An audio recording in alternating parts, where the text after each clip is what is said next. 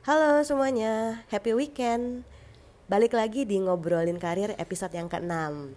Di episode kali ini akan lebih seru karena gue nggak sendirian. Gue akan ngobrolin karir bareng sama temen gue Yaser Fadli. Udah nggak sabar pengen denger keseruannya kayak apa? Yuk kita ngobrolin karir bareng gue dan Yaser.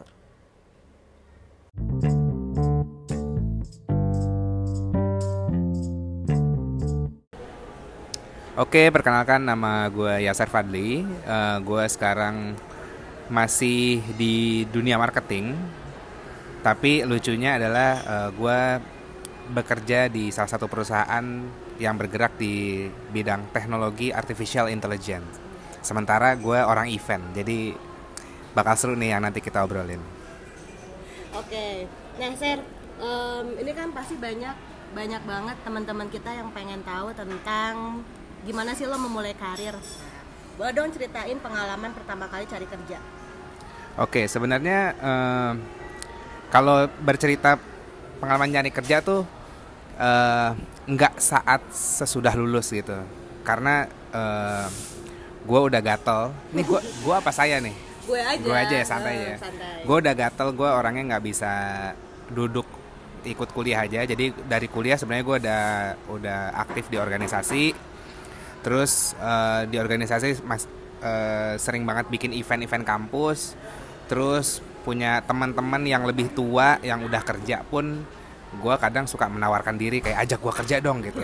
Uh, banci. iya ajak gue kerja lo nyuruh gue apa aja. Gue jadi kru event ngangkat-ngangkat sound system ngangkat-ngangkat tasnya si uh, artisnya gitu. Kebetulan waktu itu gue sebagai kru di salah satu uh, girl band gitulah.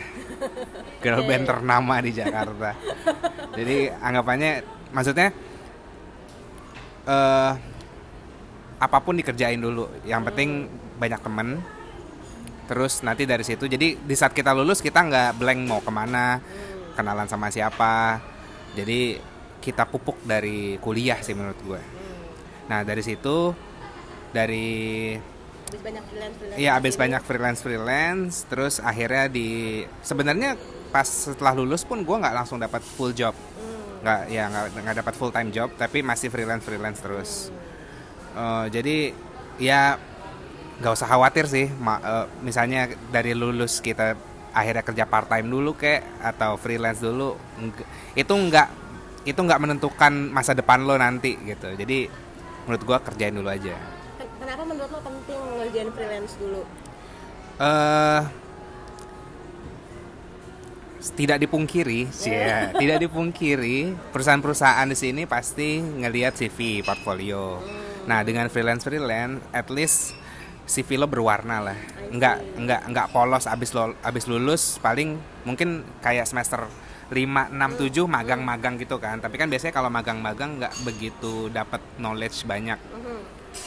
Uh, makanya jadi zaman gue di zaman gue pertama kali ngeplay ngeplay itu di CV gue tuh ada satu kolom yang isinya freelance gitu hmm. freelance freelance experience gitu. jadi nggak nggak nggak nggak profesional experience saja karena emang belum punya kan hmm. jadi nggak polos polos banget jadi freelance experience tuh banyak ya bisa dibilang karena gue uh, bergerak di bidang event jadi memang tipikal anak event nih kebanyakan memang project base hmm. bisa dibilang dua tahun pertama setelah gue lulus tuh gue malah banyak di oh, uh, freelance freelance oh, menclok dua tahun, men? dua tahun gue freelance menclok menclok io io mm. io a gue jadi apa di io b gue jadi apa mm. gitu yang ya ya begitu pengalaman apa yang paling menarik selama lo ngerjain jadi freelance di event terutama di uh, oke okay. kalau event pasti uh, anggapannya gini sebenarnya bukan pengalaman kerjanya gimana tapi hmm. gue mau ngasih pesan hmm. maksudnya ngasih ya ngasih ngasih ngasih perspektif bahwa hmm. apalagi kayak anak event apa segala macam kalau kalau dilihat orang tuh kayak ah lu jadi babunya artis loh gitu ngangkat-ngangkat barang apa segala macam padahal sebenarnya dari situ lu banyak belajar gitu hmm. banyak belajar organisasi manajemen gimana lu gimana lu menerima brief karena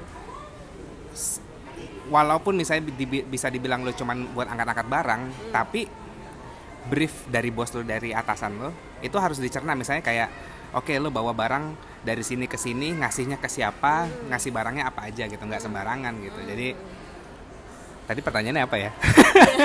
Jadi apa yang Tuh kan. lo menarik menarik buat lo ngerjain event ini. Oh, sampai lo dua tahun lo betah freelancing dari satu IO ke IO yang lain gitu. oke ini jawabannya realistis Ya. biasanya project base duitnya lebih gede Oh. freelance freelance Tuh dengerin yang lain Iya. tuh. Freelance. Emang lo pikir full time job oke. bercanda bercanda. Nggak, eh, apalagi apalagi kayak zaman sekarang Hmm. di sosial media itu sangat kebantu buat talent talent dapat platform untuk mereka terekspos.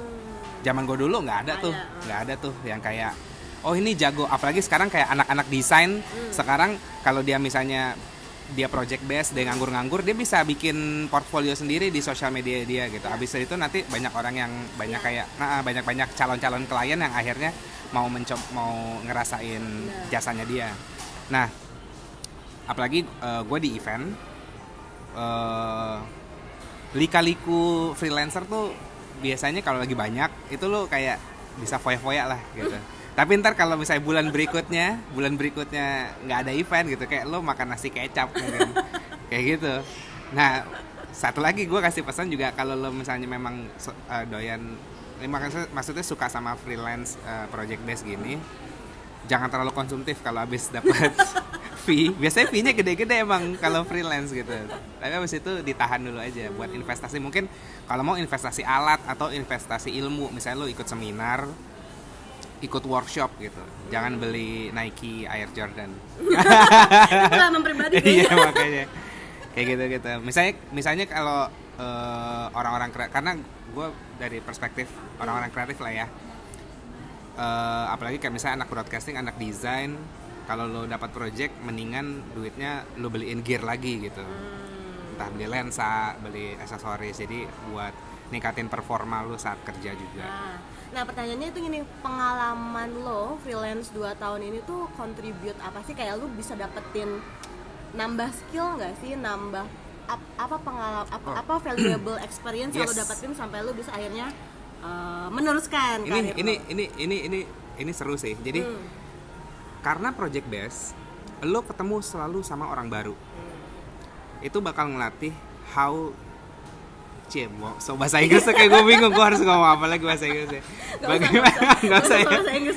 Baga- bagaimana lo bisa eh, ngeblend gitu sama sama orang baru gitu maksudnya kalau misalnya awal-awal baru lulus terus misalnya kerja di salah satu perusahaan udah itu terus setahun dua tahun kayak peng- Ketemunya itu-itu iya lagi. ketemunya itu itu lagi gitu kalau kalau kalau gue di dari di pengalaman gue akhirnya gue belajar banyak karena gue ketemu orang-orang baru Hmm. jadi gue bisa anggapannya nggak kuper lah gitu. Nggak kuper. Itu satu banyak teman. Terus kebutuhan lo untuk bersosialisasi fulfill lah di situ. Sambil kerja juga gitu. Hmm. itu sih value yang gue dapat selain memang bayarannya oke. Hmm. Nah, value itu bisa bantu lo di karir lo berikutnya gimana? Nah, setiap langkah kita nge- freelance mau kerja, makanya memang harus eh, benar-benar fokus dan 100% karena lo nggak tahu eh, di lingkungan lo yang ngelihat kerja lo. Karena gue pengalaman, gue ada mau nyeritain satu pengalaman. Gue jadi gue jadi kru di salah satu event organizer ceritanya. Kliennya itu perusahaan mainan. Kliennya itu perusahaan mainan. Terus tiba-tiba gue ya karena karena di dunia event tuh krunya itu tuh lagi maksudnya mungkin ada 100 talent atau 200 talent tapi ya udah mencelak mencelok sana sini gitu udah tau lah komunitasnya kalau misalnya si io ini mau ngerjain apa ah gue hire ini aja gue hire ini cabut cabutan gitu Nah, akhir ceritanya si IO ini mungkin udah percaya sama gua karena gua udah beberapa kali ngerja kerja bareng dia. Kliennya klien mainan. Terus karena memang gue suka sama event, gua serius ngerjainnya. Terus sama hmm, apa ya bahasa bahasa casualnya peres peres tuh apa ya? iya, karena karena lu sebagai freelancer, lu harus nge-service klien lo. Ah. nggak sekedar oke gue di gue dibayar kerja misalnya sebagai soundman atau sebagai kru panggung ya udah lu kerjain itu aja. Nggak juga. Lu harus bergaul sama klien lo lu harus servis dia gitu. Nggak nggak sekedar hard skill tapi soft Ya. skill lo juga harus harus dipersiapkan. Jadi ceritanya gue peres-peres Hmm. ya gue nggak tahu nih bahasa kasualnya apa ya peres-peres lah ya sama si klien gue ini Ya, ya. maksud gue gue peres-peres ini gue peres-peres ini bukan untuk gue tapi untuk supaya io io yang nge-hire gue Hmm. akhirnya dipakai lagi sama si klien ini sebenarnya Tujuan tu- awalnya tujuan itu. awalnya ke situ Hmm. tapi akhirnya apa klien itu narik gue Hmm. kliennya narik gue sebagai orang event dan akhirnya gue jadi kliennya CEO itu Malah lo masuk si perusahaan Perusahaan mainan ini, dan akhirnya- pakai lagi CEO itu tapi buat jadi vendor lu gitu. iya makanya terus kayak awkward gitu kan kayak bos gue sebelumnya jadi bawah bukan jadi bawahan jadi vendor gue gitu ya itu kan nggak tahu gitu. Maksudnya nih gue gue anggapannya gue niat anggapannya nggak servis bos gue di io tapi rupanya ngeliat kerjaan gue rupanya klien sendiri dan akhirnya di- dibajak lah anggapannya. Dan kayaknya sering terjadi sih terjadi sih di agensi-agensi. Biasanya tuh prinsipal-prinsipal Yap, yap, yap. ngebajaknya orang-orang Orang agensi kan. Hmm. kayak gitu sih. Jadi maksud eh, apa yang mau gue sampaikan sini apa yang lo kerjain eh jangan oke lo kerjain buat diri sendiri bener Mm-mm. tapi fokus dan dan 100% menurut gue kayak gitu karena nggak tahu siapa yang bakal ngeliat kerjaan lo nanti dan bagaimana dia menilai pekerjaan lo kayak Yap. gitu sih True, true, true. Tapi lo sempat kayak ngelamar kerjaan langsung gitu gak sih? Atau kayak ini keterima kerja di, di yang perusahaan mainan ini emang itu kayak rezeki aja gitu Hmm. tiba-tiba. Atau sebenarnya lo pernah juga sempat apply apply kerja? Pernah ada nggak pengalaman kayak gitu? Gue pernah apply apply tapi eh, wah ag- random banget sih. Dua tahun tiga tahun pertama gue lulus tuh bener-beneran gue pernah kerja sebagai sales asuransi. Hmm. Apply apply gue pernah apa ya eh, ya kebanyakan freelance karena karena karena kemarin karena ya itu lika-likunya freelance. Hmm. Sekalinya eh, sekalinya projectnya sepi Hmm. itu itu gue stres. Sampai kayak gue nangis bukan karena punya duit. Eh sorry sorry. Gue nangis bukan karena nggak punya duit Hmm. tapi karena gue nggak ngapa-ngapain. Hmm. Jadi maksudnya ini ini ini ini uh, real story ya. Hmm. gue punya duit di rekening gue gue punya duit di di, di bank account gue hmm simpenan gue selama misalnya ngejalanin project dua bulan tiga bulan ke belakang. Lumayan tuh dapat duit banyak. Tapi sebulan gue kosong itu gue bisa bisa gila. Hmm. Kayak gue mau ngapain lagi nih gue mau ngapain lagi nih. Terus beneran nangis nangisnya bukan karena aduh gue nggak punya duit. Enggak karena aduh gue mau ngapain? Gitu. Akhirnya akhirnya eh, malah tercetus pikiran ah udahlah apply apply aja biar full time full time. Gitu. Akhirnya apply apply apply apply. Ya biasa lah biasanya kalau misalnya fresh fresh graduate fresh graduate ini kan jatuhnya kalau nggak ke bank Ya. asuransi apa gitu kan akhirnya ceritanya masuk asuransi cuman kayak dua bulan gitu udah gue nggak nggak cocok lah gitu hmm. Tadi pertanyaannya apa ya? ya lu pernah apply apply jadi Apply apply pengalaman- pernah. Oke. Apply apa pernah kayak yang kayak pengalaman buruk ada iya. Apply apply pengalaman buruk sih nggak ada. Ya. Alhamdulillah. Maksudnya gua nggak tahu ini pengalaman buruk tapi gua nggak nyadar. karena sebatu itu gua. Tapi maksudnya kalau kebanyakan malah kalau lo udah kalau lo udah punya kredibilitas dalam kerjaan lo eh, lo nggak bakal susah dapat kerja sih oke kayak gitu dan tapi ngebangun kredibilitas itu ya harus harus harus harus ya banget. effort banget kayak Hmm, gitu hmm, hmm. Ban- ya bisa dibilang gue banci banget lah dulu awal awal awal kayak eh ajak gue kerjaan gini tapi ya nggak nggak milih-milih nggak neko-neko Hmm. gitu. Oke eh, lo jadi kru panggung ya Sar nanti bikin bikin blocking yang jadi kayak selotip selotipin kayak misalnya ini kan ceritanya girl band banyak nih kayak Hmm. 16 orang gitu ceritanya girl bandnya. Terus kayak gue selotip selotipin eh, blocking dia berdiri gitu kayak gitu gitu terus bawaan bawain mic bawa bawain sound system segala macam apa aja gue kerjain? bisa bawa lo sampai ke posisi yang sekarang yes ya. betul betul. Kerjain 100% Ah, nice, Kayak gitu. nice. Kalau nah setelah lepas dari si perusahaan yang mainan itu gimana tuh lo meneruskan karir kerja lo? Nah malah sebenarnya yang gue bilang tadi dua tahun pertama gue banyak freelance freelance dan akhirnya ditarik. Nah setelah setelah akhirnya ngerasain full time sebenarnya sebenarnya kaget juga oh ini full time gitu berkomitmen oh inikah rasanya berkomitmen gitu kan biasanya kan main celok sana Yes, sini gitu betul. Tapi ya lo nggak bisa lo nggak bisa komplain karena ini pilihan yang lo tempuh gitu. Dan di saat lo dipercayain buat megang satu posisi satu project gitu ya udah hitung-hitung belajar gitu. Nah lucunya ini ini ini ya Tuhan tuh nggak nggak nggak inilah nggak bohong lah kalau misalnya kita udah berusaha gitu. Jadi tadi pertanyaannya apa ya ya sih tadi pertanyaannya apa sih? Jadi setelah lo akhirnya masuk ke perusahaan yang mainan ini Ah, ah. gimana lo meneruskan ah karir itu. lo? nah itu itu. Kan gue suka Ya. random. Nah jadi karena eh, karena dulu t- eh, responsibility gue community and event ceritanya Hmm. di mainan ini. Satu tahun akhirnya itu tahun 2014an sampai 2015 tuh e-commerce lagi lucu-lucunya tuh lagi booming. Terus bos gua kayak oke kita kan perusahaan mainan biasanya kayak jual-jual di pasar gembrong apa segala macam tradisi traditional market. Nah gue di situ eh, bertanggung jawab untuk masukin barang ini ke modern market gitu. Ke hypermarket hypermarket yang besar gitu dan ke online. Nah mau nggak mau kan kita harus in touch sama merchandiser merchandiser yang di online juga kan. Ya udah dari situ kenal kenal kenal kenal kenal. Terus ada salah satu e-commerce yang lagi buka banyak. Dari 2015 tuh gila-gilaan e-commerce lagi buka banyak hiring juga lagi banyak. Ya udah ah, nah di situ gue apply. Hmm. di situ gue apply jadi event marketing. Eh, ya udah akhirnya nggak susah-susah banget sih keterima gitu Eh, akhirnya ya udah di e-commerce sekarang Pada saat itu- ya pada pada saat pada saat itu di e-commerce. Terus ya udah sampai sekarang ditajemin terus eh, bidang yang gue tekuni yaitu marketing lah anggapannya. Kalau kalau kalau kalau secara besarnya marketing tapi kalau eh, dipersempit ya marketing activation. Jadi kayak kita bikin campaign bikin acti- bikin ac- activity online dan offline gimana bisa sejalan sama plan marketingnya si brand ini Hmm. Ini lo emang akhirnya menemukan apa yang lo pengenin iya dikerjain selama Iya. ini.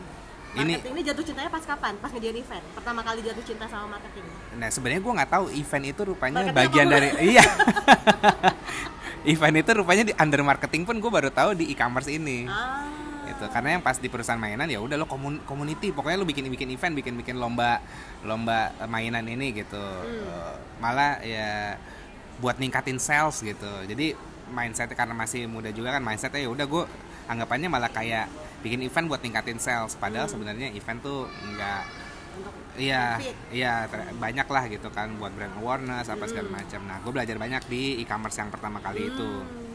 Jadi, oh di event itu di bawah marketing gitu. Nah, terus gue sebenarnya sempat sempat insecure sama skills gue karena offline off, offline skills lah anggapannya. Gue gue kayak insecure, aduh takut nggak kepake nih karena kan ke- eh, be- apa bertahun-tahun ke depan nih future kayaknya online semua gitu kan. Nah, dari situ gue berusaha buat ngupdate skill gue jadi karena dari awal dari dari kampus dari zaman kampus demennya bikin event offline aja terus sampai di e-commerce ini event offline terus. Nah sembari sembari gue ngejalanin tanggung jawab gue gue belajar sama teman-teman yang online yang online marketing on tapi bukan bukan digital advertising ya tapi uh, online activation. Misalnya kit- gimana sih uh, bikin activity di online gitu yang yang bisa engage sama users uh, through online gitu. Eh tapi bentar, gue penasaran gue potong ya. Iya. Apa yang mendorong lu untuk akhirnya pengen belajar yang online activation juga? Padahal lu sebenarnya udah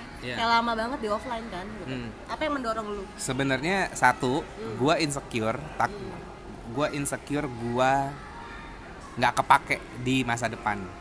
Pad- walaupun walaupun sa- saat ini sekarang gue tetap pede offline itu akan selalu dibutuhkan. Offline engagement ke user itu akan selalu dibutuhkan. Tapi apa salahnya untuk ngedevelop skills kita gitu? Biar toh ya biar biar gaji tambah gede gimana? Tanggung jawab makin gede ya, Bu. Iya, Ilmu tang- juga harus sama makin banyak betul ya. betul. Jadi lo nggak bisa ngarep eh, nggak bisa berharap dapat nominal yang setimpal dengan skill situ skills lo, iya gitu. Harus selalu update skills lo. Kalau mau jadi master of the off- offline banget master silakan gitu. Tapi gue mencoba memperluas eh, knowledge gue, skills gue ke online activation juga. Toh masih sebenarnya anggapannya activation tuh kalau bahasa casualnya tuh gimana lo caper, caper via offline sama caper via online gitu. Kayak gitu sih. Jadi gue men- mengupdate skill caper gue. Nice, nice, nice. Berarti sekarang kerjaan lo masih marketing kan sampai sekarang? Masih di dalam Jadi marketing. both offline dan online lo sekarang. Nah, yang sekarang banget Hmm? malah akhirnya nggak tahu nih ya eh, jodohnya malah di kecemplung di offline lagi. Hmm. Jadi lucunya, jadi lucunya adalah gini. Ini e-commerce gue yang pertama ini memang namanya wangi banget sih. jadi eh, HRD yang nge-rekrut gue Hmm? itu tuh ngelihat CV gue di salah satu platform yang platform tua itu, platform tua itu Hmm. dengan CV yang belum update sebenarnya. Hmm. CV gue masih yang masih di E-commerce. e-commerce pertama Hmm. itu. Terus dia nelfon gue gitu. Kan karena masih offline marketing kan di situ Hmm. kan. Ya udah, eh, gimana di di sini kerjanya di eh, di sana kerjanya. Hmm. Oh gini gini gini gini. Oh ya udah gitu diterusin diterusin diterusin sampai terakhir di interview sama usernya. Terus kamu sekarang lagi ngapain gitu? Terus gue ceritain kerjaan gue yang sebelumnya kan. Hmm. Which is bukan yang di e-commerce, Hmm. di media Iya. eh, oh udah pindah ya oh udah gitu oh ya udah terus kayak gue nanya terus di sini eh, responsibelnya apa offline apa online gitu. Karena karena sebenarnya di sini tuh gue udah megang offline online kalau di perusahaan sebelumnya. Oh lo di sini fokus di offline gitu. Hmm. oh ya udah deh nggak apa-apa coba gitu. Walaupun sebenarnya gue mau ambil scoop lebih besar lagi tapi nggak apa-apa. Toh nanti bisa dipelajarin juga. Karena karena dari sisi akhirnya dari sisi posisi gue di sini as a principal juga pasti beda beda cara kerjanya Hmm. gitu Oke. Tapi masih marketing. masih marketing Oke. Nah, kalau ap- apa yang lo lo suka yang lo apa ya akhirnya lo bisa ngerasa bahwa si marketing ini tuh something yang pengen lo kerjain seumur hidup atau sama seumur masa produktif kerja lo deh eh, oke apa yang lo senengin dari marketing kreativitas untuk caper serius marketing tuh caper gimana lu bisa caper nah buat yang pengen caper Eh, iya, ya. kalau lu kalau lu dari SMA dari kuliah suka caper, mungkin marketing yang iya betul. Gimana lu, lu bisa personal branding? Nah, coba lu convert ke sebuah perusahaan gitu. karena ya udah gitu. Hmm. Itu sih karena Udah market doang, caper. iya, Terus apa lu lagi? gini, lu bisa menyalurkan kecaperan lu mela- eh, through kreatif-kreatif konsep. Hmm. gitu. Ah gue mau caper tentang fitur gue yang ini gitu. Gimana caranya gitu. Cari solusi supaya lu bisa caper tapi butuh medianya apa? Oh di offline berarti bikin event eventnya ngapain? Oh di online berarti onlinenya ngapain? Pakai pakai influencer kah? Bikin kuis atau apa? Kayak gitu, ya gitu. itu kan cuma mediumnya kalau yang Iya, lain ya. Tapi betul. kalau the- yang paling dasar sebagai seorang marketer iya. menurut lo harus punya apa nih? Harus punya desire untuk caper. Serius Rin. Gua- it- it- serius? itu yang gue dapat oke. Marketers tuh harus caper gimana. Hmm. even even even nggak sama usernya sama stakeholder yang lain juga. Hmm. E- even kita harus branding branding as uh, personal branding juga Hmm. gitu sebagai marketers gitu supaya supaya mendukung apa yang kita kerjain Hmm. Hmm. beneran beneran itu eh, ya sekarang lo lihat brand-brand yang lain Hmm. ini kalau kalau sekarang sekarang berapa 2019 sekarang eh, bulan April ya Hmm. sekarang bulan April lo lihat semua advertising Hmm. iklan-iklan semua lagi refer ke tahun 80 90 ada yang modelnya ala-ala Roma Irama, Vicky Burki lah, Dangdut, apa. dangdut apa segala macam gitu karena dia mau ngincer orang-orang kayak kita milenial juga dua- 25 tahun ke atas sampai 30 sampai 40 tahun ini memorize lagi kayak nostalgia zaman kita muda gitu. Berarti kan caper kan? Oh gimana nih gue caper sama milenial? Oh pakai pakai ini gitu. Jadi marketing adalah caper. Buzzer tuh marketing Buzzer tuh marketing. berarti anak-anak buzzer bisa nih kayaknya banyak millennials yang buzzer iya iya benar benar bisa mereka berkarir di marketing bisa ya bisa bisa eh ya bisa bisa aja gitu. Gue gue gue coba gue mencoba mengoreksi bener gak ya? Ya bisa bisa aja sih. Gue takutnya iya iya rupanya enggak gitu.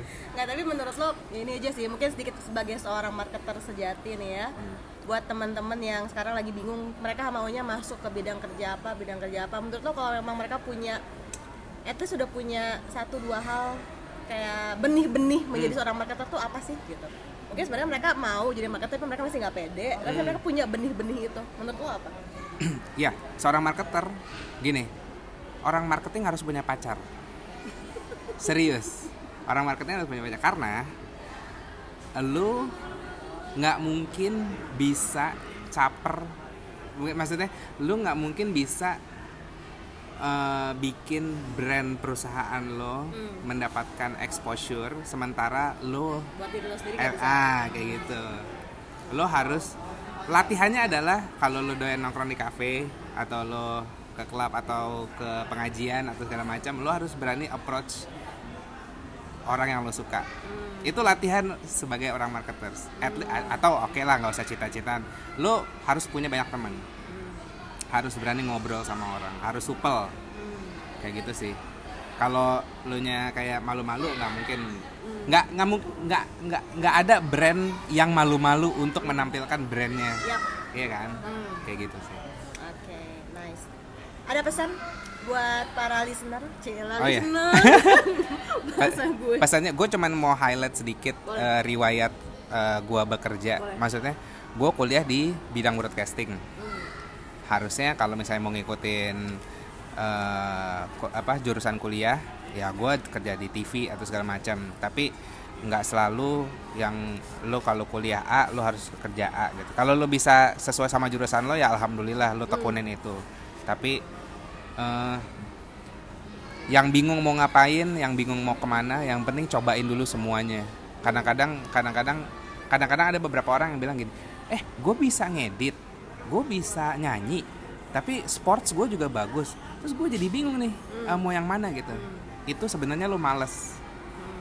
Itu sebenarnya lo males lo nggak mau ambil komitmen eliminasi beberapa yang eh, lo ya lo lo harus eliminasi lo harus eh, komitmen sama satu dan cobain. Kalaupun lo udah komitmen satu cobain terus akhirnya nggak suka. pindah pindah tinggal pindah. Umur lo masih 21 tahun 20 tahun masih masih panjang lah. Ada yang baru sukses malah di umur 50 baru ketemu passionnya umur 50 umur 40 jadi kalau masih muda Explore. explore explore terus. Eh, badan lo masih bulletproof lah begadang-begadang sampai jam 5 sore eh mah 5 sore 5 subuh lima begadang sampai jam 5 subuh masih nggak kena masuk angin gue jam 12 pulang udah masuk angin kayak gitu Oke, nice, nice, nice. Udah itu doang? Iya. Pesan-pesannya? pesan-pesannya itu Oke. Sekarang pertanyaan dari gue nih. Em, ini ini pertanyaan lucu-lucuan aja ya. Jadi Oke. lo bisa jawab langsung yang apa yang terlintas di benak lo. oke Kalau lo adalah binatang, Hmm. binatang apa yang paling mendescribe diri lo? kura-kura Kenapa kura-kura men? lambat dan bijaksana ini serius Yakin? iya Oh, iya yakin. nice, nice, nice. Jadi kalau ketemu Yasa orangnya bijak dan lam- apa lambat ya lu lambat dan bijak nggak nggak nggak dulu ya se- kan right now ya karen karen gue iya, sekarang iya. ya karen gue gue gue sekarang lebih prefer yang slow but sure kalau dulu zaman yang muda ya inilah Hajar. iya Hajar. kancil kancil Kancil. kalau dulu sekarang pura-pura. Eh, Bertransformasi ya. iya betul Kalau lo bisa punya satu super power, lo pengen bisa ngapain? oh teleport Oh, apa? teleport Lo mau pindah ke mana? biar bisa traveling gratisan nih kan iya Bener, bener, bener, bener. Oke. Ada nggak boleh di share nggak satu buku atau artikel apa yang sampai sekarang masih kayak keingetan terus di otak lo yang bisa di share sama teman-teman? gue Eh, lagi baca buku Gary Vaynerchuk eh, judulnya Jab Jab Jab Right Hook itu tentang how tell you how tell your story in a noisy world. Jadi gimana lo bisa gimana cerita lo bisa didengar orang di dunia yang super noisy ini? Semua informasi kan banyak gitu. Gimana caranya? Jab jab. Nah judulnya ini jab jab jab right hook. Itu sebenarnya refer ke tinju karena selam eh, dunia marketing ini diibaratkan pertandingan tinju yang lo nggak mungkin ngejatuhin lawan lo dengan uppercut terus straight terus nggak bisa. Jadi jab jab tuh kayak kecil kecil kecil kecil kecil baru straight nah kayak gitu hook jadi kayak pelan pelan pelan penetrasi pelan pelan abis itu eh, Hantem. hantam betul kayak gitu itu bagus Oke. Gary Vaynerchuk jab jab jab right hook Oke. Pertanyaan terakhir. Kalau bisa kita bikin ada aktivitas bersama-sama dengan tim, kegiatan apa yang lo rekomen? Yang paling bagus buat tim? eh oh misalnya kita punya tim Hmm, terus tim biar activity bonding tim activity. Karaokean. Semua orang iya ya semua orang ya? Orang mostly mostly. oke karaokean. Iya sih. Kalau kalian paling seru ya. tapi ya nggak kata ini seru sih. Tapi kalau karaokean kadang-kadang yang menikmati yang dominan aja. Yang malu-malu udah duduk dengerin dia begitu ya. Gimana supaya semuanya sam- sama-sama enjoy ya? Hmm, ada nggak yang kamu rekomen ya, yang lo rekomen? Main monopoli Cuma bisa empat orang, men. Oh iya, bener Bisa. ya. ya udah nggak apa-apa. Bisa bisa. Oke, thank you. Ada kata-kata penutup? Eh, less is more Less is more. Oke, thank you. Thank you ya thank you telah mendengarkan eh, Career Talk eh, bersama Yasar dan Erin Eh, semoga bermanfaat bagi kalian semua Bye bye. bye bye